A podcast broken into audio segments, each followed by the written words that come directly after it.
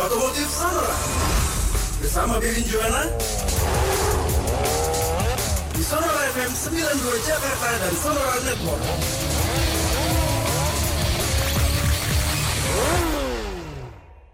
Selamat pagi, apa kabar sahabat Sonora semuanya? Senang sekali pada pagi hari ini saya Anto kembali hadir di acara Klinik Otomotif Sonora. Saya mau menyapa dulu sahabat Sonora di Jakarta, kemudian Sonora Purwokerto, Sonora Yogyakarta, Sonora Surabaya, kemudian Sonora Lampung, Sonora Palembang, Sonora Bangka, DB Cirebon, Sonora Pontianak, dan Radio Ria FM Solo. Serta radio-radio lain atau kota-kota lain yang tengah mendengarkan acara ini via streaming di sonora.id. Apa kabar untuk Anda semua? Mudah-mudahan selalu dalam keadaan sehat dan selama dua jam ke depan kita akan bahas segala hal tentang otomotif di acara ini. Buat teman-teman dan sahabat Sonora yang ingin bergabung, ingin sharing, ingin bertanya, silakan saya buka di nomor WA 0812 112 9200 ketik kos untuk klinik otomotif Sonora. Kemudian spasi nama, spasi usia, spasi alamat, spasi sharing, dan spasi pertanyaan Anda. Oke, kita langsung jumpai Pak Bebin Juwana yang sudah bergabung pada pagi hari ini. Selamat pagi, apa kabar Pak Bebin? Selamat pagi, salam sehat. Salam sehat Pak. Sudah berapa kilo pagi ini? Oh tadi cuman jalan kaki, saya nggak naik sepeda. Sepedanya rusak Pak? Bukan sepedanya rusak, langsung direman penuhnya kayak begitu, ngeri saya. Betul Saya cuma sekali. berani jalan kaki. Mm-mm. Cuma Makin sekarang memang ke sini makin rame ya. betul Pak. Dulu kan yang yang rame hanya minggu. Ya, Sekarang Sabtu jam 6 lewat dikit gitu. Mm-mm. Waduh, udah rame. Banyak sekali. betul. Saya lagi berpikir apa mendingan saya jualan sepeda aja ya. udah telat Pak Bebin, sekarang Oh, telat, harganya ya. udah stabil kembali, nggak kayak kemarin-kemarin Oh, yang harganya naik. Mm-mm. Cuma nggak apa-apa Pak ya, meskipun jalan kaki, yang penting cari Dan keringat kaki, ya. Yang penting yang penting dapatlah 4000 langkah udah lumayan. Iya. Kaos sudah basah ya udah pulang. Yang Betul. penting da- dan satu lagi, Heeh. saya waktu kemarin juga ketemu sama teman apa eh, lewat eh, WA call gitu ya. Saya sampaikan eh, olahraga enggak? Wah, aku kok males ya. Waduh. Saya bilang kan kita perlu kena matahari gitu ya. Mm-mm. Eh, matahari pagi soalnya kan itu vitamin D3 yang gratis dapat dari alam Betul. bilang gitu Ya, terus ya ya cobalah ya maksud saya bukan cuman coba itu kan mesti harus diniatin gitu. Mm-mm. jadi ya jalan pagi juga eh, ini toh sebetulnya nyari sekalian nyari ini matahari Mm-mm. kebetulan saya di posisi yang memang dikelilingi gedung tinggi kan sehingga betul. Mataharinya kan ya Terhalang ya. gitu ha, Mm-mm. terhalang Mm-mm. dan lumayan mataharinya apa terbebas dari halangan gedung itu kalau sudah jam 9 ke atas sebetulnya. Benar banget. Pak Bebin, ini sebelum kita meneruskan pertanyaan-pertanyaan dari pendengar, kita flashback dulu ya ke tahun 90-an, Pak. Ini mobil-mobil era 90-an? tahun Why why 90-an? mobil-mobil era tahun 90-an ini sekarang kayaknya sedang jadi hits lagi, Pak. Ada beberapa Yang selebriti mana? nih, Yang Jepang, Eropa atau yang mana? ada yang Atau Jepang, Amerika? ada yang Jepang, ada yang Eropa, ada yang Amerika. Mm-mm. Jadi ada beberapa seleb yang sekarang lagi nyari lagi nih mobil-mobil era tahun 90-an. Kemudian mereka masih bisa dapat ya? Di beberapa eh, tempat spare part kayak daerah saya tuh daerah Pamulang juga masih cukup banyak Pak eh, menyediakan sih spare part Oh, oke. mobil tahun 90-an. Oke. Jadi kayak Gading sekarang punya Great Corolla, kemudian seleb lain-lain punya Toyota Starlet, Pak. Kalau tahun 90-an tuh yang hits mobil-mobil merek apa sih, Pak? Twin Cam kan? Twin Cam. Twin? Cam. Itu kan Twin Cam, Hmm. ya kan? Eh waktu itu kan ada Daihatsu apa yang pakai turbo? Daihatsu. Heeh. Oke. Daihatsu eh, kecil tuh lupa tipenya pakai turbo. Mm-mm. eh kalau di Suzuki ya masih Jimny lah eh, atau Katana yang Iya. yang populer pada saat itu. Mm-mm. Eh, karena waktu tahun 90 awal itu ketika lahir ameniti kok kayaknya tidak gigit gitu ya. Hmm, hmm, Itu eranya eh, Suzuki, waktu eh, Suzuki itu. Jadi lebih ke Jimny Katana gitu. Ya, Jimny kan sampai sekarang juga masih masih jadi idola gitu kan. betul. Eh, karena eh, ya menurut saya meliharanya juga simpel banget sih ya. Hmm, hmm. Anak lulusan STM yang lulusnya boleh nyontek juga bisa kok Iya. apa eh, nyetel-nyetel gitu. Eh, nggak ada nggak nggak sulit gitu. Hmm, Eh, karena semua serba basic gitu ya. Terus saya masih ingat juga Mercy Mini, hmm, ya kan? hmm, Mercy Mini walaupun 90-an sebetulnya 90 awal tuh udah Tiger kan masuknya. Tapi eh, apa kalau ngelihat Mini tuh kita masih pakai gitu kan. Hmm, Gile mulus tuh gitu. Hmm. Dan eh, ingat saya di era itu banyak yang pulang studi boleh bawa mobilnya. Jadi hmm, ketika mobil awak ketika studi di luar negeri ya. pakai mobil A misalnya dan eh, sudah selesai studinya Heeh, mobil tersebut boleh dibawa pulang gitu. Oke. Jadi waktu itu eh, kita akan lihat di jalan mobil-mobil setir kiri. Hmm, hmm, Kalau yang datang kalau sekolahnya di UK setir kanan kebenaran gitu ya Hmm. atau atau sekolah di Hong Kong Australia itu ya pasti kanan gitu. Eh 90-an Kayak Honda, Pak. Holden Holden masih ada dong. Oh, iya. Ya Hmm. kan Holden Primer, Kingswood Hmm. itu kan masih ada. Hmm, Torana yang terus juga jadi taksi, populasinya jadi tinggi Hmm. gitu ya. hmm, Yang kita sudah lupakan contohnya Opel. Oke. Ah, Opel. Hmm, Eh, Jepang udah habis ya? Eh belum dong kita Belum kayak Honda Nissan. itu masih ada Nissan, Civic Honda Wonder, Pak ya? Civic. Ah, Honda Civic Wonder. Hmm. Akordnya juga masih kecil yang yang lampunya empat di depan. Hmm, Nah, ya. ayo.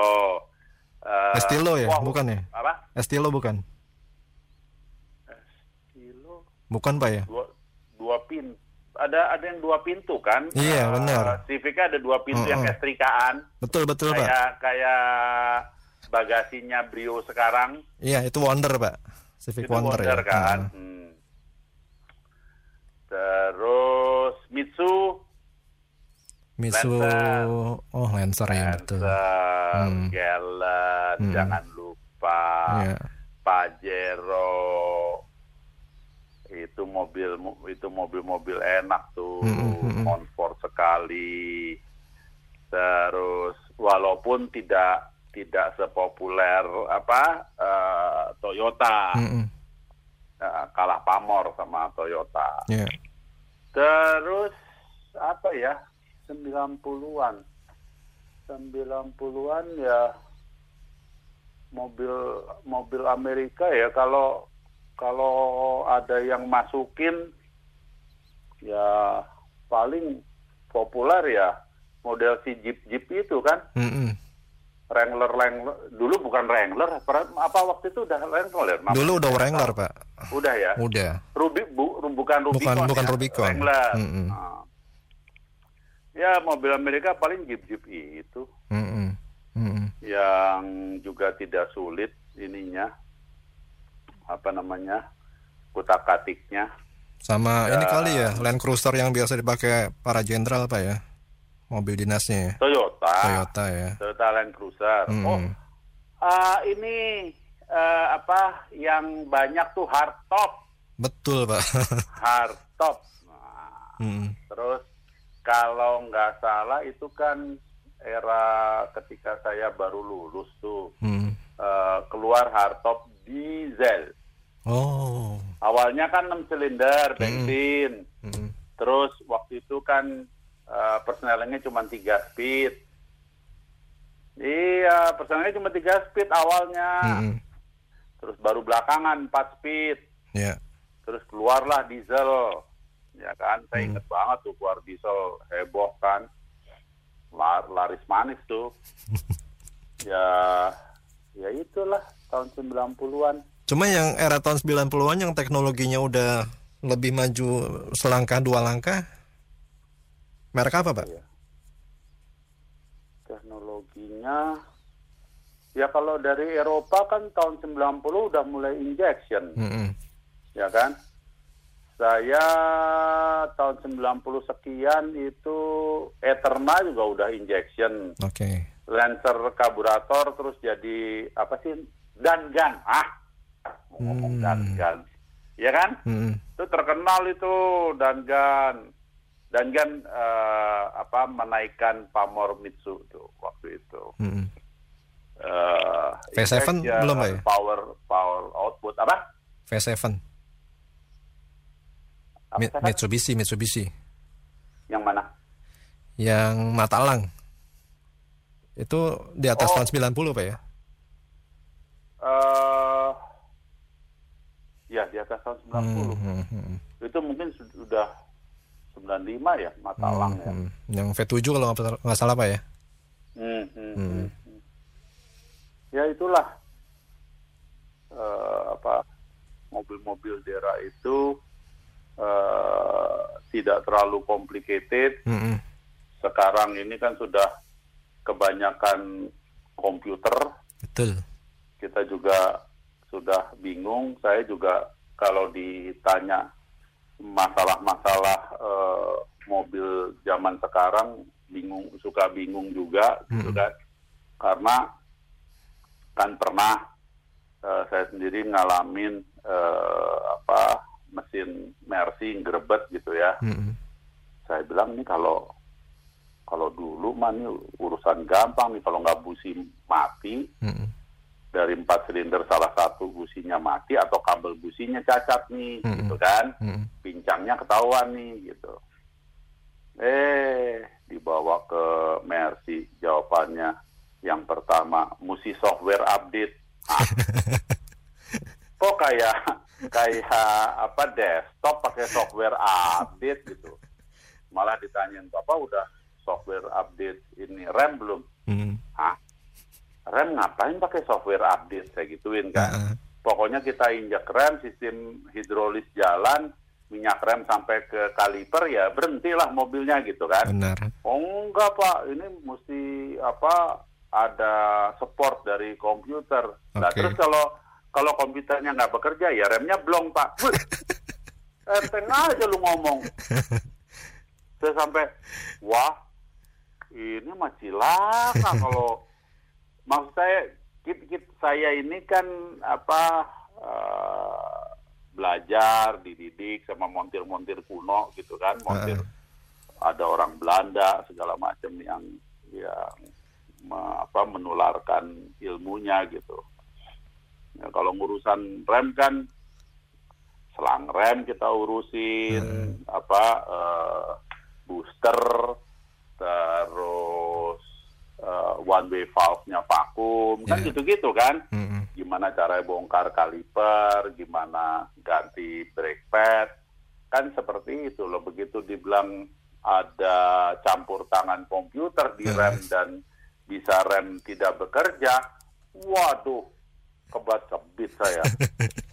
Cuma kan komputer kan buatan manusia, Pak ya. Kalau kita Justru- mengabaikan komputer, terus belajar pengalaman apa? Eh, katakanlah Pak Bibin yang su- sudah punya pengalaman dalam dunia otomotif berapa puluh ribu harus ganti ini, berapa puluh ribu harus Hmm, ganti hmm. itu. Itu bisa nggak Pak mengabaikan komputer? nggak bisa katanya karena ya itu eh, saya itu tahun berapa sih di- dikasih tahu bahwa eh, Pak ini kalau kalau softwarenya tidak diupdate Hmm. ya kan eh, remnya tidak bekerja lah kan saya bingung lah kok bisa campur tangan kalau apa ya eh, si komputer memberikan support dalam arti misalnya Hmm. eh, menjaga balance eh, gaya pengereman terhadap roda-roda yang eh, gripnya kurang Ya. kan bisa kan misalnya roda di sebelah kiri itu sedang eh, kena lumpur atau genangan sehingga kalau ngerem kan malah tetap aja malah buang gitu kan Betul. bagaimana menjaga balance kiri kanan. Itu saya bisa tangkap dengan Hmm. logika, dengan nalar saya. Hmm. Tapi kalau dikatakan komputer kemudian apa eh, kalau gagal berfungsi maka pengereman pun juga gagal bekerja. Mm-mm. Waduh, saya bingung waktu itu. Gimana modelnya mas? Saya bilang. Cuma kalau untuk hal-hal yang sederhana pak kayak ganti oli itu Nah, mengabaikan kompu- komputer nggak masalah pak ya? ta- ta- tadinya kan saya ber- berpikir juga demikian, Mm-mm. ya kan? Komputer bilang harus ganti sepuluh ribu. Bodoh amat, komputer mau ngomong apa, mobil-mobil gua, gitu kan? Saya mau Iya. ganti lima ribu, emang lu mau apa, gitu. Iya. Nah, eh, ternyata sekarang nggak bisa. Hmm. Coba, Hmm. eh, Anto samperin eh, apa mobil-mobil yang yang dengan teknologi terkini. Colokan oli pun tak ada. Ah, Bingung kan? ya. Lah kalau colokan oli nggak ada, padahal kan kita dulu itu kan terbiasa eh, cabut colokan, Mm-mm. siapin lap gitu Mm. kan, lapnya usahakan yang tidak berbulu, maksudnya jangan sampai bulunya masuk ke dalam jadi urusan gitu kan, bikin Mm. bikin macet sirkulasi gitu. Terus kita melihat eh, olinya tuh kayak apa, Hmm. kecoklatan, masih bening, apa sudah keruh, warna hitam, eh, baunya bau bercampur dengan bau pembakaran, Hmm. kan sampai seperti itu. Terus diajarin sama montir Belanda, kamu pegang ya pakai sama tangan, ini olinya gitu kan. Hmm. Eh, rasakan viskositasnya itu seperti apa. Saya sampai diajarin kayak gitu Hmm. kan. Hmm. Dan sekarang colokannya nggak ada, apa yang mau dirasakan? Cuman suruh lihat di layar itu multimedia. Ya. Tulisannya apa? Eh, apa? Engine oil oke. Cuma gitu doang. Ah. Oke dalam arti viskositas, oke dalam gitu. Hmm. Nah, ini kan eh, sekedar saya menyimpang dikit ya, toh. Hmm. Waktu saya dapat pinjaman eh, 740 Hmm. di Jerman gitu kan untuk Iya. keliling Eropa. Kan mikirnya kan sudah ya mohon maaf, mikirnya kan seperti apa zaman dulu gitu Hmm. kan. Hmm. Mobil keluar. Di saya sudah dapat email katakan mobilnya baru, Hmm. baru means baru, Ya. ya kan? Bukan bukan ini. Waduh. Saya kan mikir kalau zaman dulu gitu kan, Hmm. mobil baru itu di kilometer 1000 atau 3000 Hmm. Kan mesti buang oli, Hmm. mesti servis eh, servis yang pertama, Ya. gitu kan, Hmm. tambah checking baut-baut. Ya. Itu itu apa ya SOP zaman dulu kali. Hmm. Eh, baut-baut diperiksa ada apa jejak-jejak rembesan oli enggak Heeh. karena di awal-awal itu kalau sudah ada jejak rembesan oli harus segera ditangani entah itu dari packing entah itu dari Iya. seal gitu kan Heeh. apa shock breaker atau apa jangan jangan sampai minyak rem gitu Heeh. kan saya udah ini waduh ini dapat dapat alamat nggak ya Heeh. dalam rute perjalanan saya yang 15.000 kilo itu Hmm. saya mesti berhenti di mana kan jadi ngira-ngira kan oh kilometer ke 3000 saya nih kira-kira ada di kota ini gitu Hmm. Ini dealernya di mana? Gitu.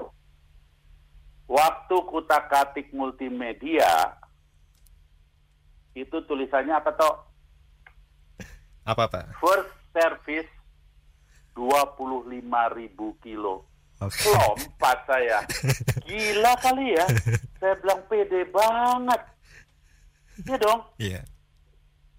jadi dari mesin fresh dibuat ini bukan bukan mesin bukan ini tok loh. Bukan dirakit tok loh ya. Heeh. dibuat mesin fresh dibuat dirakit dipasang di di mobil. Heeh. servis pertamanya 25.000 ribu. Saya sampai lihat-lihatan sama anak saya. Heeh. ini bener nggak ya? 25 ribu. Lah kita jalan 15 ribu sama dia diketawain dong. Lu ngapain nanya-nanya alamat bengkel di seluruh Eropa gitu kan? Iya. Saya bilang ya udah deh kita terima nasib deh Cuman Jangan seru loh pak. kenapa Ini seru loh kita ngobrolin di awal apa eh, mobil-mobil era tahun 90-an wah yang komen banyak pak. Hmm, kalau Kayak- mobil 90-an kan beda. Iya. Era era saya 90-an itu kan baru lulus apa eh, universitas. Itu kan beda. Iya. Ya tadi, balik ke tadi yang urusan servis 1000 atau 3000 kilo kan. Betul. Ganti oli, masuk kolong, periksa. Hmm, Mesin juga diplototin satu-satu gitu kan. Iya. Apakah semua berfungsi dengan baik, ada rembesan apa enggak, bla bla bla gitu. Heeh. Cuma enaknya dulu tuh ada toleransinya pak.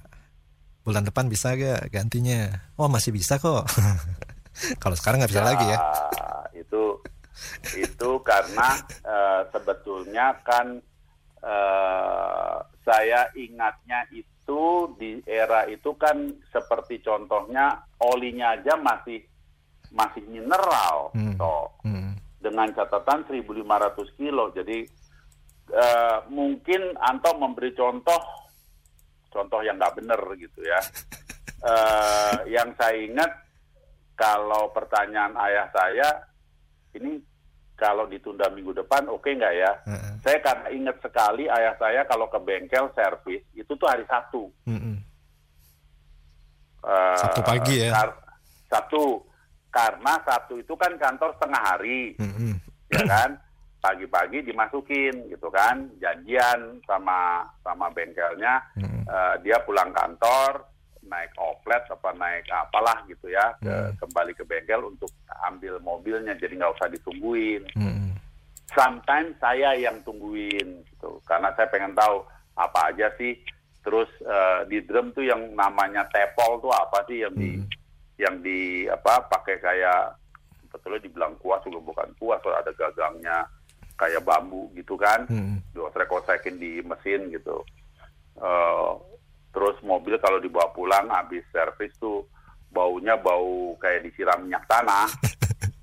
Iya. Terus engine mounting juga umurnya pendek. Terus saya masih inget banget tuh engine mounting umurnya pendek.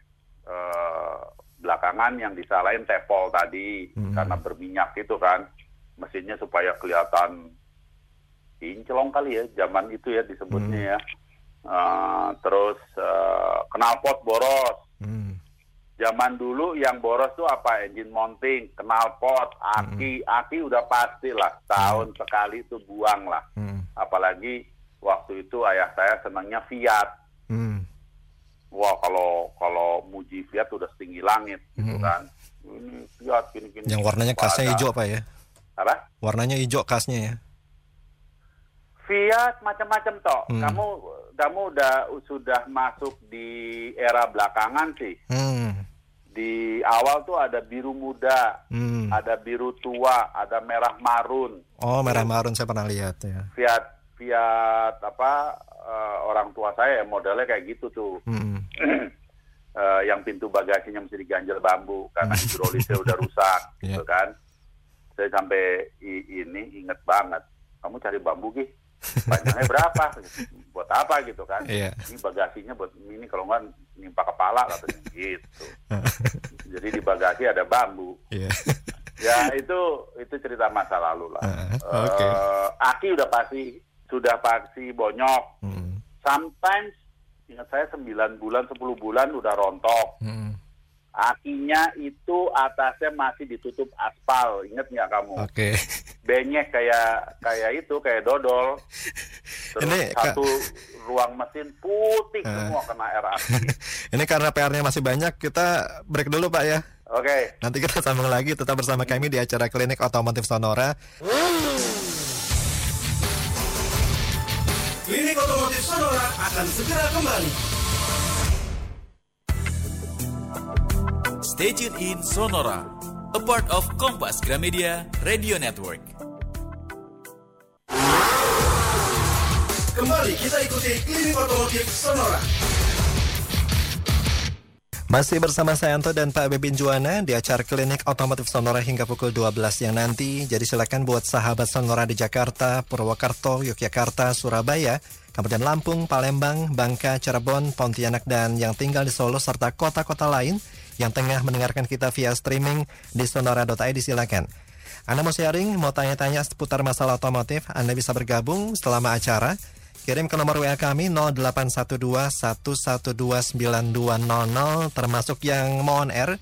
Anda bisa kirim ke nomor WA yang sama kemudian ketik on air. Nanti kami akan hubungi Anda selama acara berlangsung. Pak Bebin. Oke.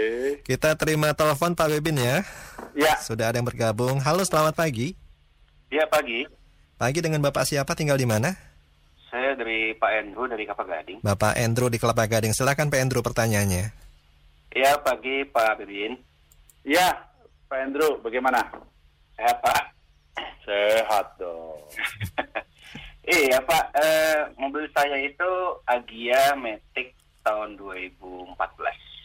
Oh, Jadi ini udah kejadiannya mungkin sekitar pemula udah dari sekitar dua minggu yang lalu. Kalau mobilnya itu dimasukin ke D, bunyi itu, bunyi jangkrik tuh. Krik krik krik krik krik krik. Tapi apakah Bapak tahu kira-kira dari mana bunyi jangkriknya? Terus terang awalnya saya tidak tahu. Nah, Hmm. terus itu kan kalau lagi dari kalau kita lagi dari diem pak ya kita lagi Hmm. jalan masukin di D, ini mobilnya belum Hmm. jalan bunyi tuh krik Hmm. krik krik krik krik. Hmm. Hmm. Hmm. Begitu dijalanin Hmm. 40 kilo deh ya, 40 kilo Hmm. sampai 60 kilo, Hmm.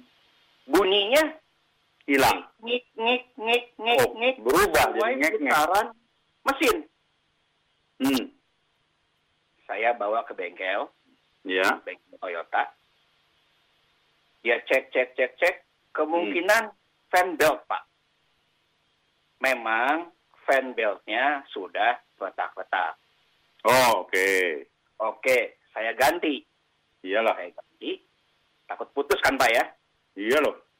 Nah, begitu habis dari bengkel nih, Hmm. dimasukin ke D lagi, bunyi klik lagi. hilang, Oh, hilang. hilang. Oke. Tapi Hmm. begitu mobil dijalanin lagi, Hmm. kilometer 40 60 lagi, masih Keluar. bunyi ngik ngik ngik ngik sesuai dengan putaran roda. Makin kencang, intervalnya makin kencang juga, Pak. Oh, oke. Tapi begitu direm, Hmm. kita lagi jalan 60 nih Pak ya, 60 Hmm. ngik ngik ngik ngik ngik, saya injak rem, bunyinya hilang. Oke. Saya balik lagi ke bengkel, saya Hmm. keluhkan masalah yang tadi saya bilang, Hmm. sampai dicek pakai stetoskop dia, dicek ke alternator, enggak. Dicek ke ini, enggak. Nah, kalau di rem kan kenapa nggak rem yang diperiksa? Kok alternator yang diperiksa pakai stetoskop? Saya juga udah bilang ke mereka, Hmm. mungkin nggak remnya, mungkin Hmm. nggak kaki-kakinya. Hmm. Mereka bilang kayaknya sih enggak pak, karena kalau bunyi dari kaki-kaki itu mau Hmm. bapak gas, mau bapak rem, tetap bunyi. Lah ini kan bapak kan kejadiannya lagi jalan, bunyi, Hmm. begitu Bunyi. direm hilang, kan Hmm. gitu kan? Hmm. Nah jadi makanya mereka eh, bilang ke saya rasanya kalau dari kaki-kaki nggak mungkin. Benar nggak Hmm. gitu Pak Bibin? Saya curiga rem. Rem Pak ya? Hmm. Mungkin masalah yang sepele, Mm-mm. rem kotor. Saya tidak mau berpikir yang negatif, yang wah, yang gimana-gimana. Rem kotor, yang simpel-simpel gitu loh. Ada kotoran eh, apa eh, masuk di dalam eh, apa terlilit di di piringan, di belakang piringan. Karena saya pernah ngalamin yang begitu-begitu. Suara apa sih ngeselin amat. Tapi memang memang harus mau repot karena empat roda. Saya dongkrak satu-satu meriksainnya. Itu yang pertama. Yang Ah. kedua, kecurigaan saya adalah Anda bilang mobilnya kan 2014 ya? Ya tadi? Yes. Yes. Ya benar kan 2014. Dia nggak periksa engine mounting. Dia nggak periksa transmission mounting. Nggak cek sudah Pak, dilihat itu, belum? Pak. Udah dilihat belum? Karena bisa saja nipu. Nipu itu apa? Kelihatannya sehat, nggak taunya sebetulnya dalamnya sudah pecah. Hmm. Oke. Gitu kalau saya. Kalau memang dia eh, apa istilahnya mengaitkannya dengan putaran mesin. Hmm. Waktu dijalankan, waktu direm berarti putaran turun. Dia kan apa eh, curiga di sekitar situ. Saya juga pernah eh, apa nebak-nebak sampai ke urusan tensioner fan belt. Fan belt kan udah diganti. Udah, udah, udah. Nah, tapi kan diperiksa nggak sih tensionernya gitu. Ini yang yang gimana ya? Eh, mungkin karena saya belajarnya dari montir-montir kuno sih ya. Mereka itu senang apa ya? Maksudnya dari, di zaman dulu itu eh, selalu apa? Menghubung-hubungkan dengan komponen terkait gitu loh. Oh. Fan belt dikaitkan dengan uh, misalnya fan belt yang berkaitan dengan apa alternator itu tuh dengan tangan aja sebelum fan belt dipasang itu udah diputer-puter sama tangan. Hmm. Feelingnya nih ini muternya lancar apa atau istilahnya Lancar. greget ada gregetnya nggak nih? Kalau ada gregetnya nih langkarnya nggak beres nih. Hmm. Gitu. Terus kalau ada tensioner, tensioner diputer-puter sama tangan. Ini nanti bikin suara berisik nggak nih? Gitu-gitu. Itu montir kuno. Ya. Nggak tahu montir sekarang belajarnya banyak dari buku sih Heeh. atau dari itu apa eh, pedomannya eh, question and answer kan sistemnya kan. Tinggal buka aja di itu di layar komputer. Oh kalau pertanyaannya begini jawabannya ini. Pertanyaan gini jawabannya ini. But not based on experience. Itu yang yang membedakan kami kami yang sudah yang sudah mulai masuk di usia senja dengan mereka-mereka yang lahir di era milenium. Hmm. saya melihatnya seperti Sampai- itu. Dan rasa care-nya. Nah, ini yang yang juga eh, saya lihat udah beda. Oh, oh, iya, iya. rasa care-nya tuh maksudnya gini. Ah mudah-mudahan setelah ditangani ini nggak balik nih. Jadi ada kepuasan tersendiri kalau nggak balik gitu kan. Iya, tapi eh, apa menyesali aduh kenapa itu nggak gua periksa ya? Oh, nggak tuntas ya Pak ya? ah ini ini sebetulnya udah sudah tuntas ke inti permasalahannya belum gitu itu yang Nah, yang itu- yang berasa berbeda Heeh. Nah ini Pak Bebin ini sampai kemarin itu mobil saya Mhm. diangkat. Hmm. ya Mobil saya diangkat. Nih, Hmm. eh, mom- saya bilang, Bapak duduk deh ya di dalam mobil. Mhm, Mobilnya tak angkat. mhm, Bapak gas mobilnya sampai 40. mhm. Nah, Emang nanti boleh? ke saya. itu prosedural bela- belajar dari mana di atas car lift diangkat digas sampai 40 itu belajar prosedural dari mana Wah, saya nggak itu tahu. Pak. itu Saya itu, itu risiko gitu. besar loh apalagi bapak ada di dalam kendaraan Hmm. Yang ngomong ke saya itu kepala bengkel. oh ya udah ya saya sih nggak tahu, saya sih nggak ngerti apa. Hmm. Mungkin mungkin dia mau coba sambil ngolong gitu ya mungkin Hmm. ya. Nah cuman dari hasil proses itu Mhm, begitu mobilnya Ditemukan. diangkat, mhm. saya jalanin 40 bunyinya sama sekali nggak ada, nggak ada nggak ada. Hmm. Jadi ini bunyi kalau mobilnya lagi di jalan. kalau bannya menginjak bumi Hmm. Heeh. Berarti lahar roda tidak bisa dituduh tidak bisa sebagai tertuduh Ya. Ya kan? Ya. Oke. Cukup Pak Andrew? Jadi, jadi eh, eh, kalau saya boleh usul oke Pak. itu kepala bengkelnya ikut sama bapak jalan bukan bukan bapak disuruh naik mobil yang diangkat car lift terus sembari mobil digas lari 40 belajar dari mana Hmm. Oh itu sudah Pak. lah iya Itu itu safety-nya tidak boleh secara safety tidak Oh. boleh bapak Oke oke oke oke. Oke, cukup Pak Andrew ya. Oke Pak. Baik, terima- Jadi Hmm. pertama saya cek dulu remnya, terus Mhm. nanti saya coba engine mounting Engine transmission mounting. mounting Oke. ya kan Oke. Kalau masih nggak ketemu kepala montirnya siapa pun yang paling senior di situ, apa pun yang punya jam terbang tinggi, ikut duduk di samping bapak eh, jalan, Hmm. oke pak. Dan begitu ada suara, bapak bilang ini suara yang saya maksud. Ya. Ya, jadi sama-sama memahami hal yang sama. Jangan bapak berpikirnya ke utara, Heeh. dia mikirnya ada di timur. Oke pak. Karena persepsinya yang berbeda. Oke? Oke pak. Iya. Oke. Terketemunya di Oke, selatan, Pak, ya. Ketemu di lapangan Banteng. Iya. Oke. Saya beralih ke pertanyaan datang dari Pak Wahyu di Romangun, Pak. Ini punya Innova Diesel tahun 2017. Mau refresh kembali, Pak, mengenai perawatan mesin diesel modern. Karena ada yang bilang diesel itu perawatannya lebih mudah, cukup dengan pemakaian solar yang bagus aja. Terus ada yang bilang harus purging tiap enam bulan sekali, bersihin EGR dan intake. Hmm. Nah, yang punya mobil nggak tahu nih EGR itu apa, Pak ya? Eh, M apa? E-nya apa ya? Gas recirculation. Jadi eh, ada sistem di input apa di intake manifold Mm-mm. di mana eh, gasnya itu di resirkulasi.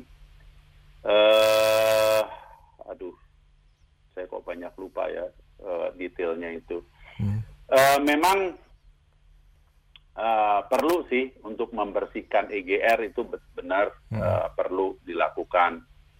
Tetapi ya lagi-lagi bahan bakar yang dipilih seperti apa Ya. gitu.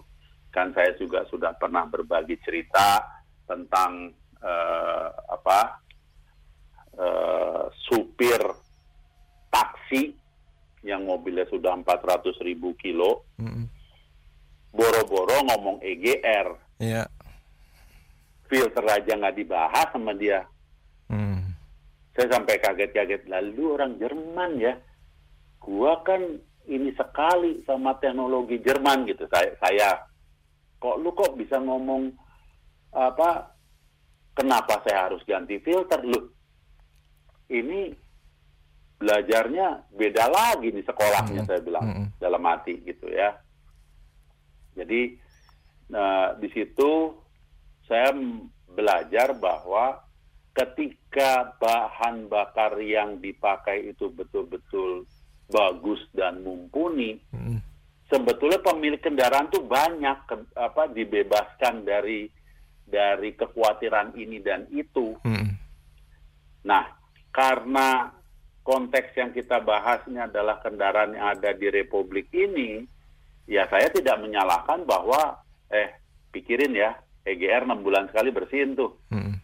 Caranya gimana ya? Yang, yang ada obat pakai campuran dimasukkan di dalam, apa, dicampur di bahan bakar, maksudnya Hmm. dituang di tangki solarnya, Hmm. gitu ya. Hmm. Ada yang eh, perlu ada montir yang merasa perlu untuk melihat secara visual sendiri Mm-mm. gitu kan melihat dengan mata kepala sendiri ini sebetulnya kondisi kayak apa sih gitu Mm-mm. kan Mm-mm. sebelum EGR-nya ngadat gitu Mm-mm. terus eh, ada yang eh, berpikir juga untuk eh, membersihkan di atas dan di bawah piston itu kan ada dua ada dua bagian yang yang terpisah yang harus diperhatikan juga gitu ya tingkat kebersihannya karena nanti ujungnya adalah eh, efisiensi Mm-mm. gitu. Oke. Ini mobil-mobil diesel yang baru kan seperti Pak Bebin bilang kan sudah dilengkapi dengan teknologi common. Ini harus dibersihkan berapa lama, Pak? sebetulnya agar awet yang penting ya sekarang yang ada di negara kita paling tinggi kualitasnya kan baru Pertadex kan Mm-mm. ya udah saya nggak nggak nggak pusing saya pakainya Pertadex Mm-mm. hanya sesekali ya di tangki dituang aja itu Iya. apa eh, fuel system cleaner Mm-mm. jadi eh, apa supaya jangan eh, salah pengertian dengan sahabat yang mendengarkan acara ini Mm-mm. saya bukan ngejernaikan oktan number atau setan number tetapi eh, apa cleaner terhadap fuel system Mm-mm. fuel system cleaner Ya. Itu yang yang jadi andaikan di dalam sistem itu ada air, ada kotoran yang terbawa eh, di dalam sistem, dia bersihkan dengan dengan ini. Tetapi kan eh, itu pun harus kita bantu dengan eh, mengganti filter-filternya. Ya. Oke. Gitu. Baik, kita break kembali Pak Bebin, nanti kita sambung Oke. lagi. Klinik Otomotif Sonora akan segera kembali. Stay tuned in Sonora, a part of Kompas Gramedia Radio Network. Kembali kita ikuti Klinik Otomotif Sonora. Oke, kita lanjut lagi di acara klinik otomotif Sonora pada siang hari ini. Masih ada saya Anto dan Pak Bebin Juwana hingga pukul 12 siang nanti. Masih ada waktu kurang lebih satu jam buat sahabat Sonora mau sharing, mau tanya-tanya di acara ini. Anda bisa kirim ke nomor WA 0812-1129200. Pak Bebin. Halo Pak Bebin. Sayang sekali terputus sahabat Sonora. Sambungan kami dengan Pak Bebin Juwana terputus. Kita akan coba sambungkan kembali dengan Pak Bebin. Sebelumnya mau sapa dulu salah seorang pendengar yang juga sudah tersambung pada siang hari ini. Halo, Mas Yudi. Ya, selamat pagi. Selamat pagi. Ini sedang terputus sementara. Kita coba sambungkan kembali dengan Pak Bebin Juwana di acara Oke. klinik otomotif Sonora pada siang hari ini. Tadi di awal acara kita sempat bernostalgia, Mas Yudi ya, dengan kendaraan-kendaraan era tahun 90-an yang sekarang ini jadi buruan kolektor lagi, Pak Pak Yudi ya. Iya. Halo Pak Bebin. Ya, Ini ada sahabat lama nih yang mau bertegur sapa. Halo, Mas Yudi, silakan. Iya, makasih. Om Bebin, selamat pagi. Apa kabar? pagi baik. Kalau mau bicara retro tahun 90-an kan sama juga balikin ingatan kita 30 tahun yang lalu nih Om Bebin. Betul. Ya, di mana waktu itu saya baru nikah, Mm-mm. Mm-mm. terus dari zaman SMP itu udah mulai naiking suit tuh Om Bebin tuh. Hmm. Wih. Zaman itu mah mobil mewah itu. Di Menteng ya kan? Hmm. mulai dari ujung eh, apa namanya Muhammad Yamin sampai ke Hmm. Polsek Menteng. Hmm. Hmm. Belajarnya di situ zaman dulu tuh. Terus Oh. jalan Surabaya ya. Mhm. Terus dari Om Bebin bilang tadi ada Torana segala macam. Mhm. Nah, terus Mhm. mulai tahun 80 sekian tuh udah tuh mulai nyobain DX tuh. Hmm. Dex, oke. Mhm. Ya, Kotak itu ya. Yang kota Hmm. karena waktu Apa 3K sebelum- ya? Awalnya 3K terus jadi 4K ya mesinnya 4K. kalau nggak salah. Hmm. Nah, tapi kita udah udah pakai 2 TG. Oh. Hmm. 2 TG, karburatornya Weber, ya kan? Four Hmm. barrel. Aduh, udah nggak terkaruan deh jalan. Hmm. Masih nyobain di Ancol tuh Bebin ya. Hmm. Iya, iya. Kalau tes di Ancol. Nah, Hmm. masih nyobain di Ancol dulu tuh. Karena eh, ada beberapa dulu sebelumnya flashback lagi nih sebelum tahun 90-an Hmm. waktu masih sekolah di Jerman saya nyobanya itu Golf turbo diesel Hmm. MK Oh, MK2, golok. Hmm. ya kan terus Di dapet- sini nggak banyak. nah dapat rongsokannya GTD Hmm. Diesel. ya di di di Berlin dulu Om Bebin Hmm. Hmm. Diesel dong. ya di autobahn GTD. Buntutnya D GTD. kan diesel. Iya, di- diesel sorry, dari diesel betul. Hmm. Hmm. Hmm. Diesel. Akhirnya ada satu yang kita bawa pulang tuh. Dua Hmm. pintu GT eh, GT. Tapi yang diesel nggak bisa dibawa pulang karena cuma boleh satu waktu itu kan. Mhm. Bawalah Satu, diesel satu student, satu, satu mobil kan. iya, Mobil. satu mobil. Aturannya. Akhirnya kita milih itu dalamnya masukin buku segala macam. Begitu. Iya, iya, iya. Cuma kalau kenangan mobil tahun 90-an yang Memori lah. Itu sweet memory. yang paling berkesan apa sih Pak Yudi? Yang paling berkesan di 90-an itu sih untuk saya yang banyak di sini tapi jadi gini, mobilnya sebetulnya banyak. Hmm. Tapi karena posisinya waktu itu jarang yang punya tuh jadi saya bawa Tiger 300 TD. Jadi pakai teman saya dulu tuh. Hmm. Mercy Tiger Station 300 turbo diesel. Hmm. Wah, Masih? itu mobil Bukan, Masih ada tunggu, sampai tunggu, tunggu. Masih dipelihara sampai sekarang? masih dipiara sampai sekarang Om. Masih jalan? Masih jalan, masih dipakai, Waduh, masih dipakai harian setir kiri. ngilu. Hmm. Ngilu itu bikin ngilu.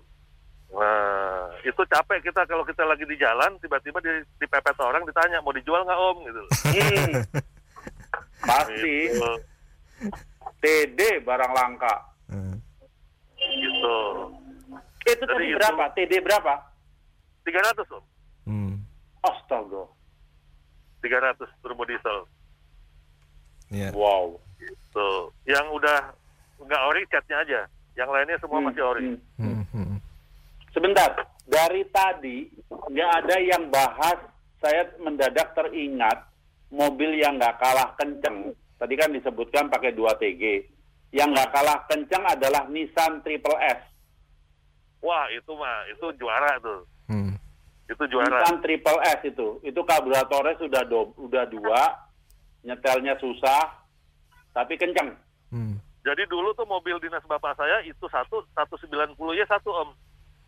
Eh, Oh, 160 oke. ya. Satu, 190 ya. sorry, 190 Kan ada yang ya. 160, ada 190. Ya, Hmm. 190 ya satu, triple S satu. Jadi kita suka kadang-kadang bohongin supirnya. Pak, yang ini jangan dibawa pulang ya, ini taruh di rumah aja. Jadi begitu malam kita yang bawa jalan-jalan tuh. Oh. Ada yang komen nih Pak Bebin. Mobil kecil yang paling kenceng Fiat Uno Turbo. Wah, itu Iya masih tuh. langka tuh. Hmm, hmm, hmm. Hmm. Itu masih ada yang Ternyata banyak ya yang ingat mobil-mobil mobil-mobil kenangan ya. Harus, harus karena sweet memory itu nggak boleh lupa tuh. Bener. Iya kan? Ini banyak yang komen loh soal mobil-mobil tahun 90-an. Mazda 626. Speedometernya Iya. udah digital katanya. 626. Iya, iya, iya, iya, iya, iya. Ya, Heeh. benar. Hmm. Terus katanya Daihatsu Keret juga ada yang turbo Pak waktu itu. Ya itu dia Ada. yang tadi saya sebut. Mm-mm. De- Daihatsu Cheret ah, Iya. ah, turbo. Yes. Itu barang juga udah langka tuh, udah nggak ada sekarang tuh. Benar. Terus kalau yang Sayang. apa keren di modif tuh Civic Nova sama Genio Estilo yang agak baruan. Hmm. Ini banyak yang masih nostalgia Pak dengan mobil tahun 90-an. Banyak, banyak, banyak. Kalau mobil dari Jepang yang berkesan apa Pak Yudi? Selain DX. Pernah tahu nggak SR? Hmm. Corolla SR. Jadi Corolla 77 itu, Hmm. tapi dua pintu. Oke. Barang Jarang itu barangnya. Di sini jarang, Pak Bebin. Tapi kalau Iya, di di sini Kalimantan, jarang. di Pontianak, barang itu sampah. Hmm. Dipakai untuk jual semangka. Iya, karena mereka masuk dari Malaysia, dari Kucing. Hmm. Oh.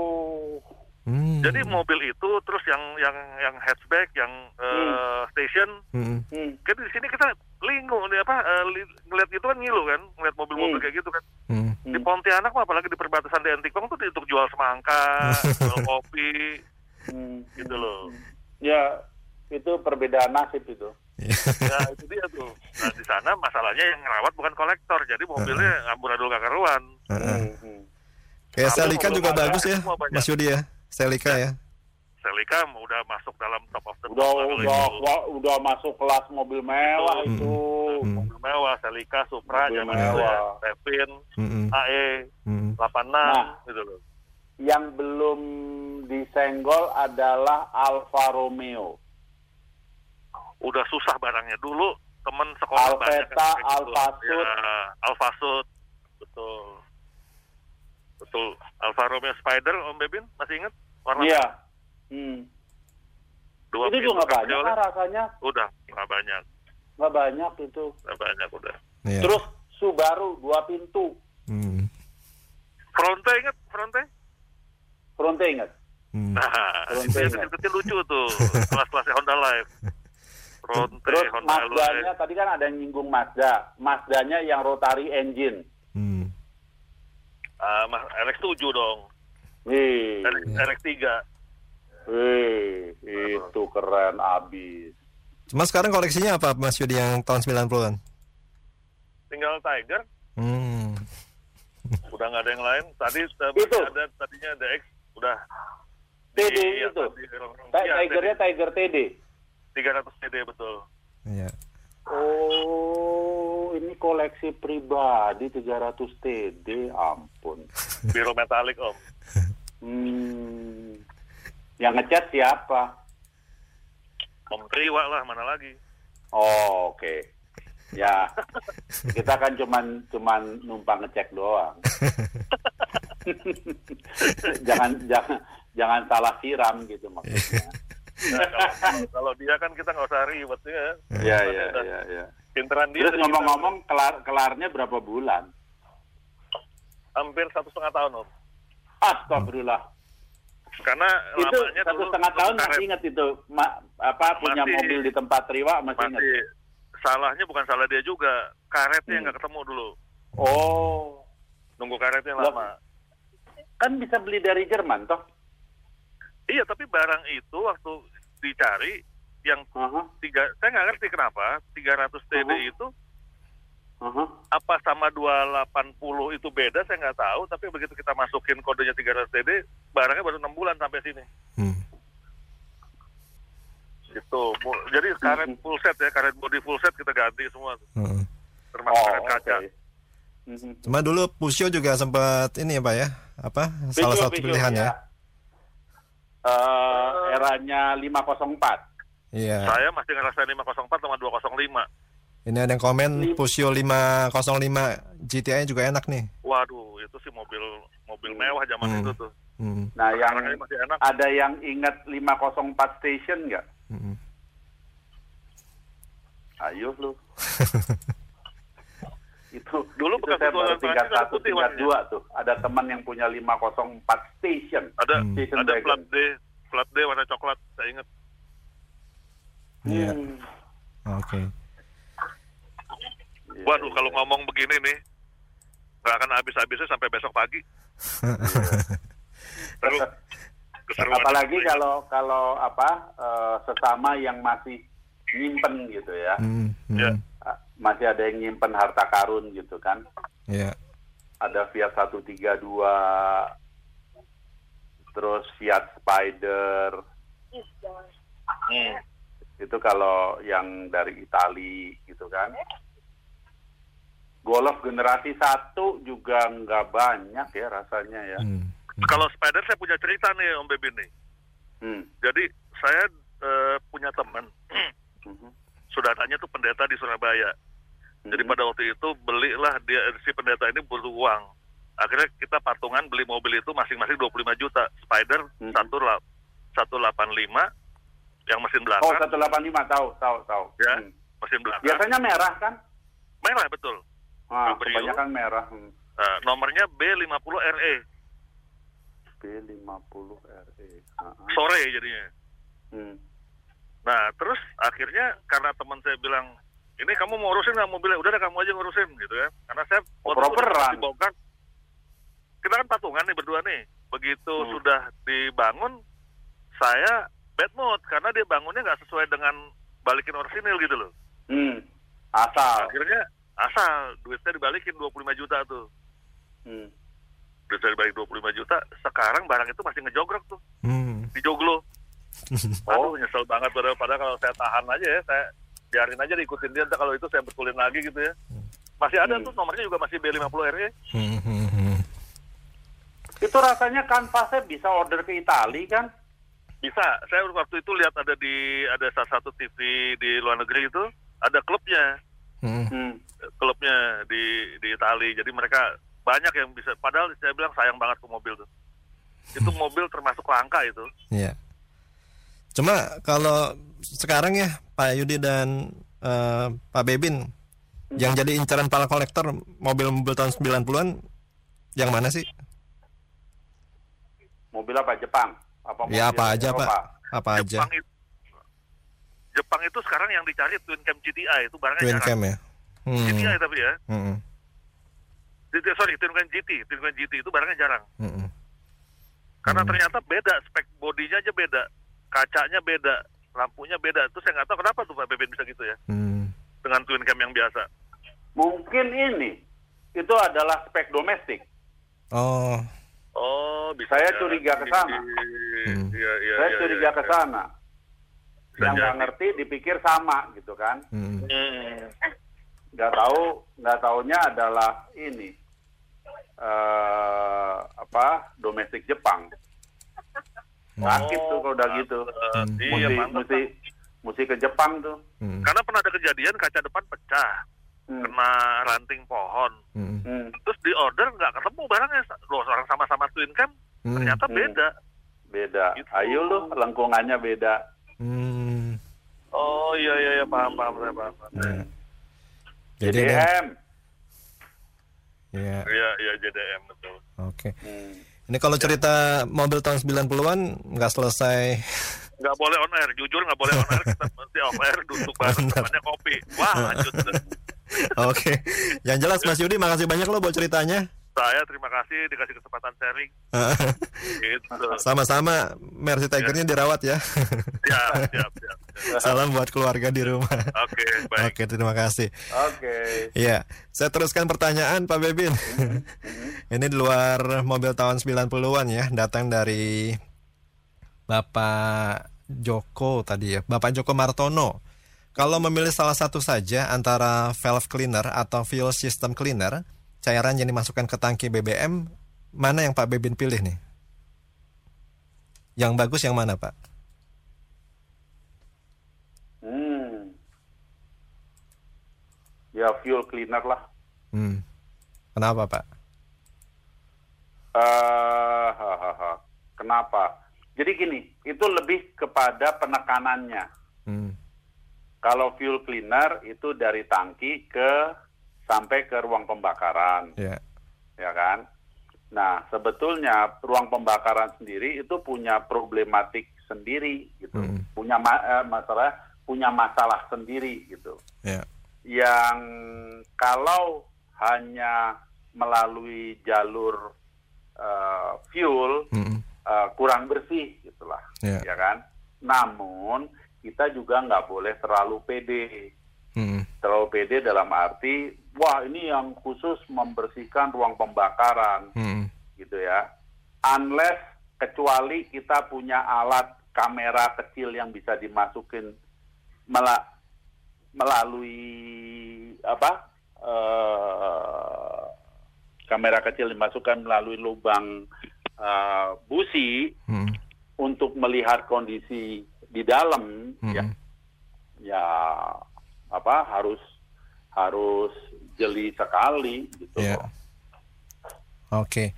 Masih ada waktu saya teruskan pertanyaan datang dari Bapak Alfian, punya mobil Avanza 2016, Pak, kilometer 150 ribu. Mm-mm. Pertanyaan di kilometer berapa sebaiknya ganti oli gardan, kemudian di kilometer berapa ganti oli persneling, dan kegunaan tune up itu apa, Pak? Gardan dan persneling sebaiknya eh, bareng. Jadi tadi kan dipisahkan dua pertanyaan, tapi Hmm. saya jadikan satu. Gardan dan persneling saya jadikan satu, ya kan? Eh, mungkin sekarang ini eh, sekitar dua lah, dua kali ganti mesin gardan dan persneling Ganti. dibuang sekalian. Hmm. Ah. Kemudian kalau ditanya apa sih gunanya tune up bolak-balik istilahnya tune up tune up gitu ya. Hmm. Saya lebih kepada eh, bagaimana men- mengembalikan efisiensi dan kinerja mesin. Ya. Melalui apa? Ya tadi pemeriksaan eh, busi dan teman-temannya itu masih bekerja dengan baik apa enggak. Hmm.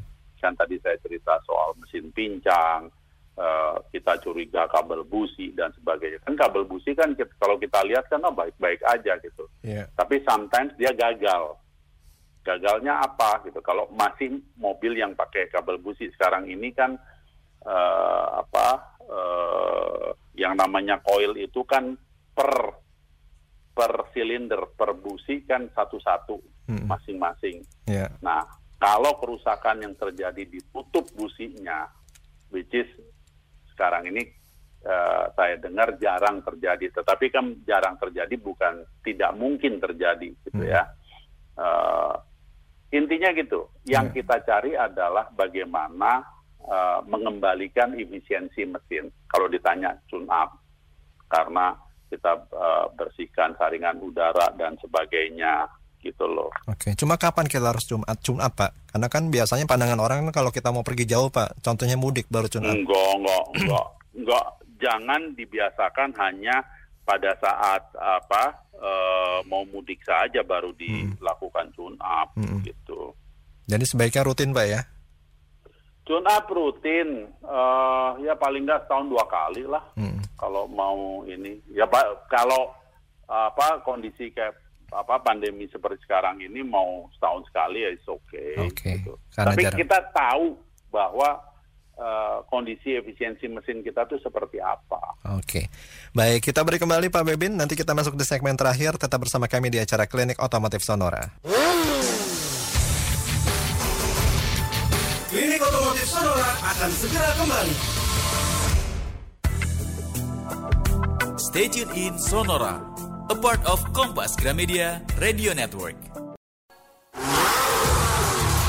Kembali kita ikuti Klinik Otomotif Sonora. Baik, kita masuk di segmen yang terakhir acara Klinik Otomotif Sonora pada siang hari ini. Kita akan teruskan pertanyaan yang masuk. Ini datang dari Pak Handoko, Pak Bebin.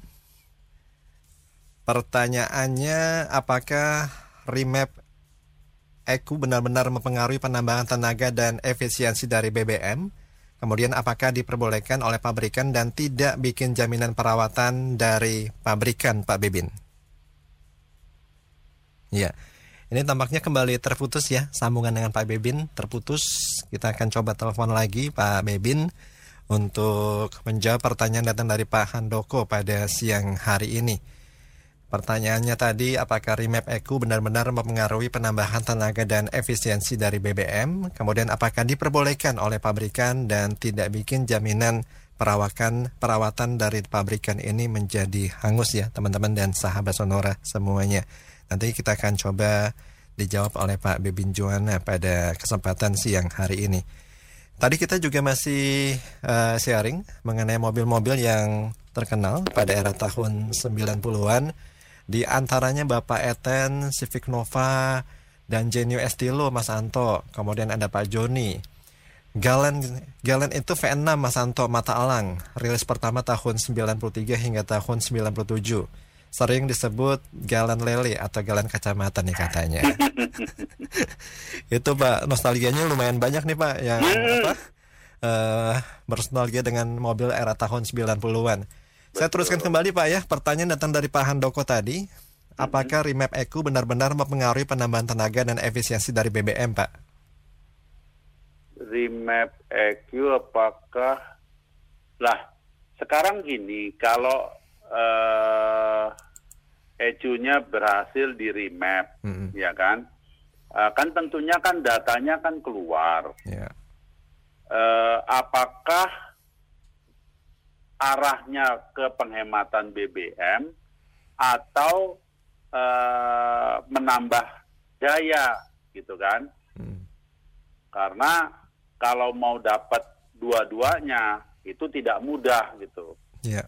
Biasanya eh, ada penambahan apa yang seperti saya tahu itu ada seperti apa ya alat gitu yang ditambahkan Mm-mm. dan itu dipasangnya di mobil apa Jerman produksi Jerman Hmm. dan memang eh, tidak hanya eh, apa mencatat dari dyno Hmm. tapi juga eh, uji jalan Iya. gitu loh Eh, bisa dibuktikan bahwa terjadi penghematan BBM dan pada saat yang sama ternyata efisiensi meningkat efisiensi meningkat itu eh, daya dan torsi pun ikut naik gitu. Dan eh, pemasangannya plug and play. Jadi tidak ada yang dirubah-rubah tidak ada yang di di apa dipotong sana po- sambung sini gitu. Mm-mm. Cuma diperbolehkan nggak Pak oleh pabrikan? eh apa pun yang kita lakukan pabrikan biasanya tidak mau menerima. Hmm. gitu ya. Eh, karena ini kan kaitannya dengan warranty Mm-mm. jadi eh, biasanya kalau ada penambahan atau melakukan apa-apa gitu ya Ya. dilakukan setelah masa warranty. Berakhir ya. Gitu. Oke, biar aman Pak ya garantinya. Mm-mm. Baik, semoga terjawab Pak Handoko yang tinggal di Palembang. Kemudian saya beralih ke Pak Riko.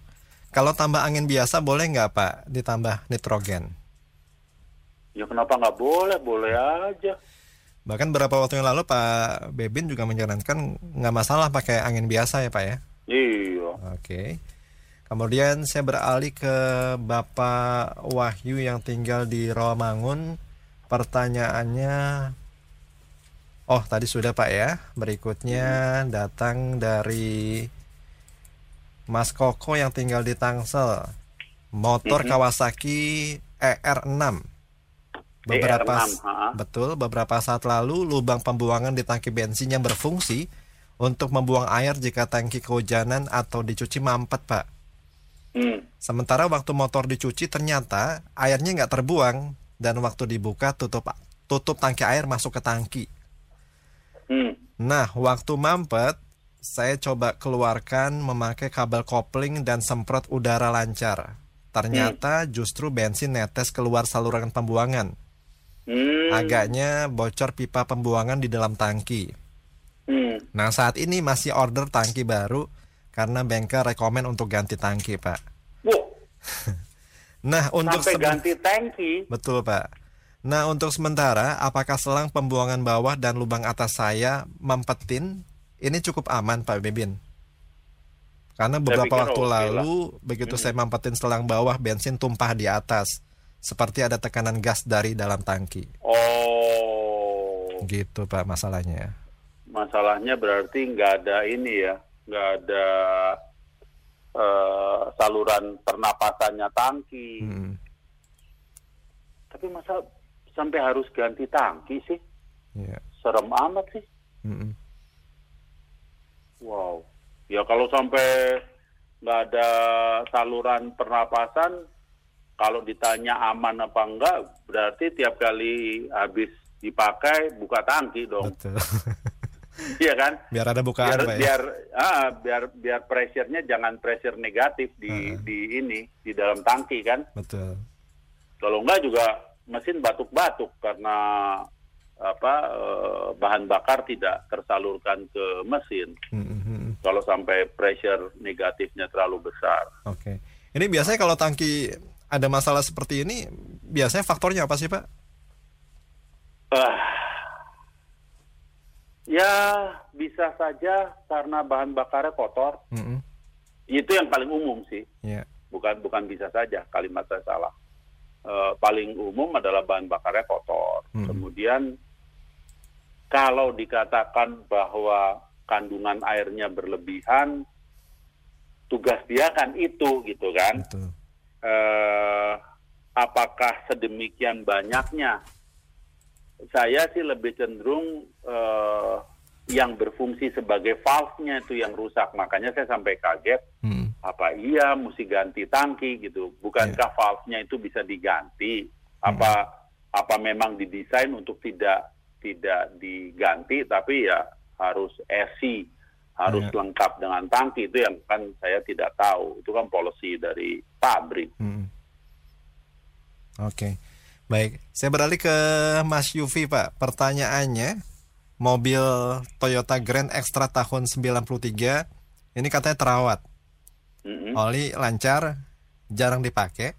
Mhm. Tapi ketika mau di starter, mau dipanasin, Mhm. ini keluar asap putih, Pak. Hmm. Kata tetangga sih harus diservis karena ada yang nggak beres di dalamnya katanya gitu, Pak. Ya sekarang gini keluar asap putih, Mm-mm. biarkan dulu selama katakanlah sejam. Itu semakin tipis atau ya begitu aja terus gitu. Betul. Itu yang yang yang yang apa yang perlu disikapi gitu. Mm, mm, Kemudian kita juga colek aja lubang knalpotnya, iya. ya kan E, berminyak atau air Hmm. gitu. Kan tadi ada kata-kata jarang dipakai. Iya. Nah kalau selama tabung saringan knalpotnya itu isinya air semua Hmm. akibat kondensasi kan tuh kalau nggak kering ya asap akan keluar gitu. Betul. Makanya kita eh, kita juga nggak perlu panik, tapi kita perlu bijak Mm-mm. eh, menyikapi kondisi itu. Oke, jadi dibiarin dulu aja kurang lebih satu Mm-mm, jam pak ya. Satu jam, kemudian kita lihat kalau semakin tipis berarti kan eh, kandungan air yang Mm-mm. ada di dalam sistem knalpot, mm. knalpotnya kan udah jadi panas gitu ya, Betul. berarti kan sudah habis menguap. Mm-mm. Gitu. Oke, Nah terus tetapi tetap kita colek lubang knalpotnya, ini minyak apa air sih kan Mm. gitu. Mm-mm. oke. Baik dites dulu aja ya, Mas Yufi ya. Saya beralih ke Pak Hari di Jakarta. Daihatsu Taruna CXX tahun 2000 Pak. Kalau jalan pelan dengan gigi besar, contohnya gigi tiga, jalannya ini agak nyendat. Tapi kalau kecepatan agak tinggi, lancar. Ini solusinya seperti apa Pak? Coba bersihkanlah itu yang namanya throttle body. Biasanya Mm-mm. kan cuman urusan simpel-simpel kayak begitu. Mm-mm. Anda bisa eh, apa eh, membeli di toko aksesoris apa toko oli Ya. yang namanya apa itu semua sama lah eh, injektor cleaner atau karburator cleaner. Mm-mm. disemprotkan ke intake gitu kan tunggu beberapa saat dihidupkan. Eh, kita lihatlah perkembangannya. Itu paling hanya kotor aja lah total body. Saya nggak nggak mikir yang serius-serius. Kopling Nah, aman Pak ya, kopling ya? kopling aman atau tidak mestinya anda bisa eh, membedakan gitu Mm-mm. antara kopling dan sekarang gini aja eh, masuk ke gigi mundur sulit apa tidak gitu Hmm. ya ini kalau bicara kopling aman terus waktu pertama eh, pedal kopling dilepas itu terjadi ge- apa gemeter apa enggak Mm-mm. bergetar apa enggak gitu nah dari situ kan kita ini sebetulnya kopling yang masalah kopling apa mesin sih gitu Hmm. kan nah kemudian eh, apa eh, kalau di gedung parkir gitu kan Mm-mm. eh, misalnya ini biasanya gigi dua juga nggak apa-apa kok kenapa sekarang seperti nggak mampu gitu Hmm. nah itu kita sudah mulai ini mas lagi-lagi kan pertanyaannya ini mesin apa koplingnya sih gitu Iya. Hmm. dan eh, apa walaupun kita eh, terbiasa dengan AC ya kali ini bukalah Mm-mm. jendela ada nggak bau gosong gitu ya Mm-mm. bau angus. Kalau bau angus kan kita sudah sudah mulai eh, Curiga, Pak, ya? membuat tuduhan ke kopling gitu loh, Hmm. biar biar bengkel yang yang melakukan vonis. Iya. Cuma kalau koplingnya tipis tuh mobil jalan juga bisa nyendat pak ya. Salah satu tandanya pak ya. Ya apa eh, nye- apa nyendat nyendat gitu Mm-mm. kan, Mm. karena aliran eh, tenaganya kan tidak tidak sempurna ke roda penggerak. Oke. Baik. Jadi dicek aja ya throttle body pak ya. Mm-mm. Terus kalau Nah, misalnya saya ada. sih hanya throttle body kotor aja. Oke. Saya beralih ke Pak Suhanda. Pertanyaannya kenapa ya mobil mesin diesel pada tahun 90-an mesinnya harus dipanaskan dengan cukup lama? Itu pertanyaan pertama, Pak.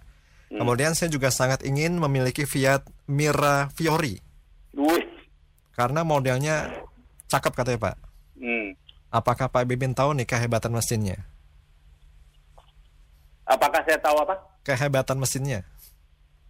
Oh, eh, jadi gini, mobil-mobil Itali itu eh, pada dasarnya eh, apa ya?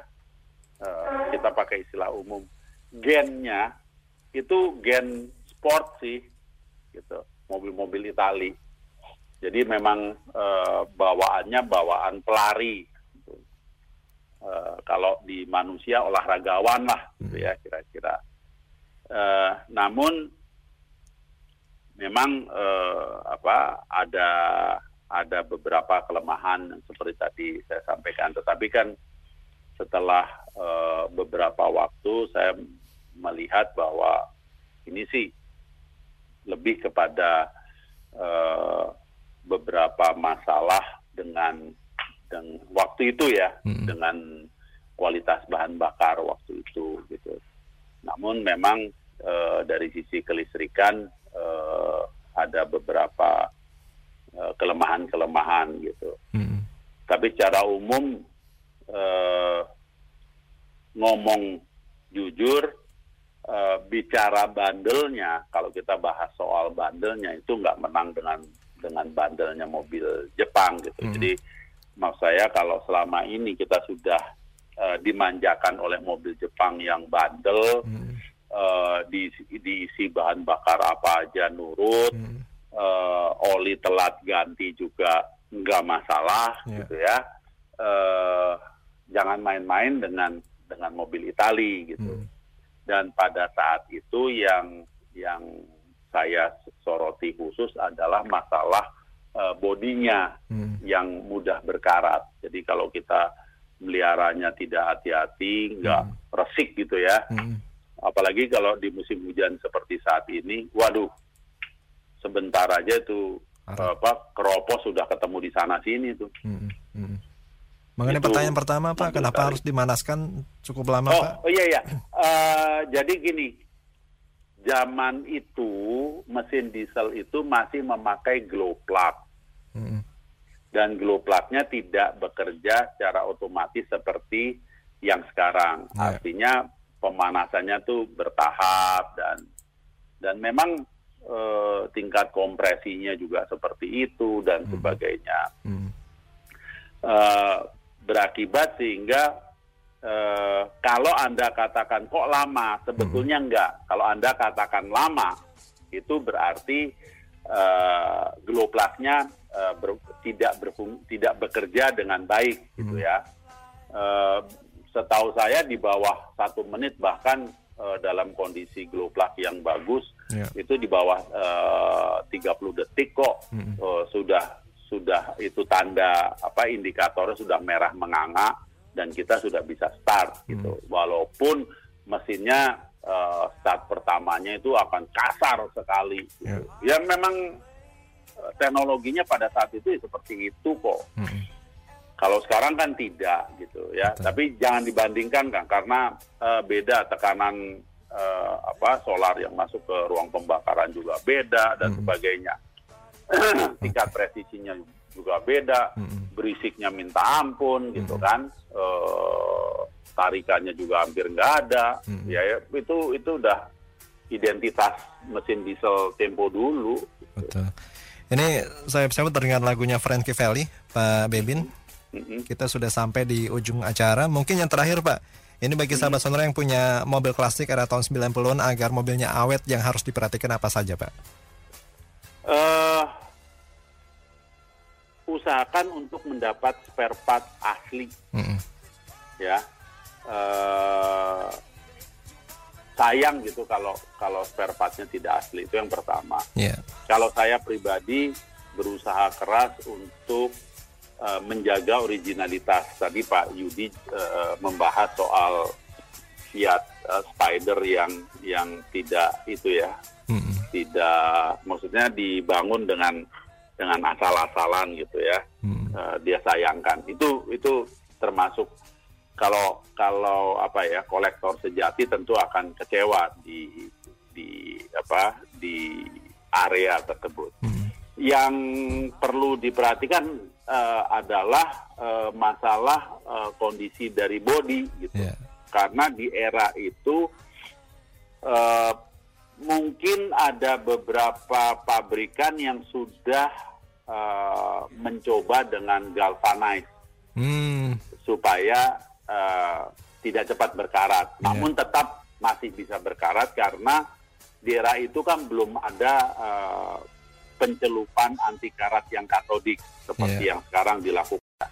Jadi eh, yang paling ditakutkan, termasuk yang saya sendiri takutkan adalah, aduh, badannya ini udah tambal sana tambal sini karena eh, kalah dimakan karat. Betul. Soalnya ya gimana ya negara kita ini memang tingkat apa kelembapannya tinggi, Tinggi, ya. gitu. Mm. Dan apalagi kalau sudah ketemu musim hujan terus Mm. ketemu dengan sifat malas kita udah habis dah. Iya. yang paling penting itu dirawat dan originalitas originalnya, Pak ya. Ori- originalitas itu Originalnya tuh. Semaksimum mungkin Hmm. dipertahankan. Jadi biar harga jualnya tetap tinggi ya. Kalau mau dilepas. Iya, iya, Intinya iya, seperti itu, Pak. Baik, Pak Bebin makasih banyak loh buat sharingnya Oke. di acara klinik Oke. otomotif Sonora pada siang hari ini. Salam sehat, Gitu. Pak. Salam sehat, kita jumpa lagi minggu depan. Baik, terima kasih. Semoga apa yang kita bicarakan pada siang hari ini bermanfaat. Saya Anto, Pak Bebin Juwana pamit. Selamat siang, sampai jumpa. Stay tuned in Sonora, a part of Kompas Gramedia Radio Network.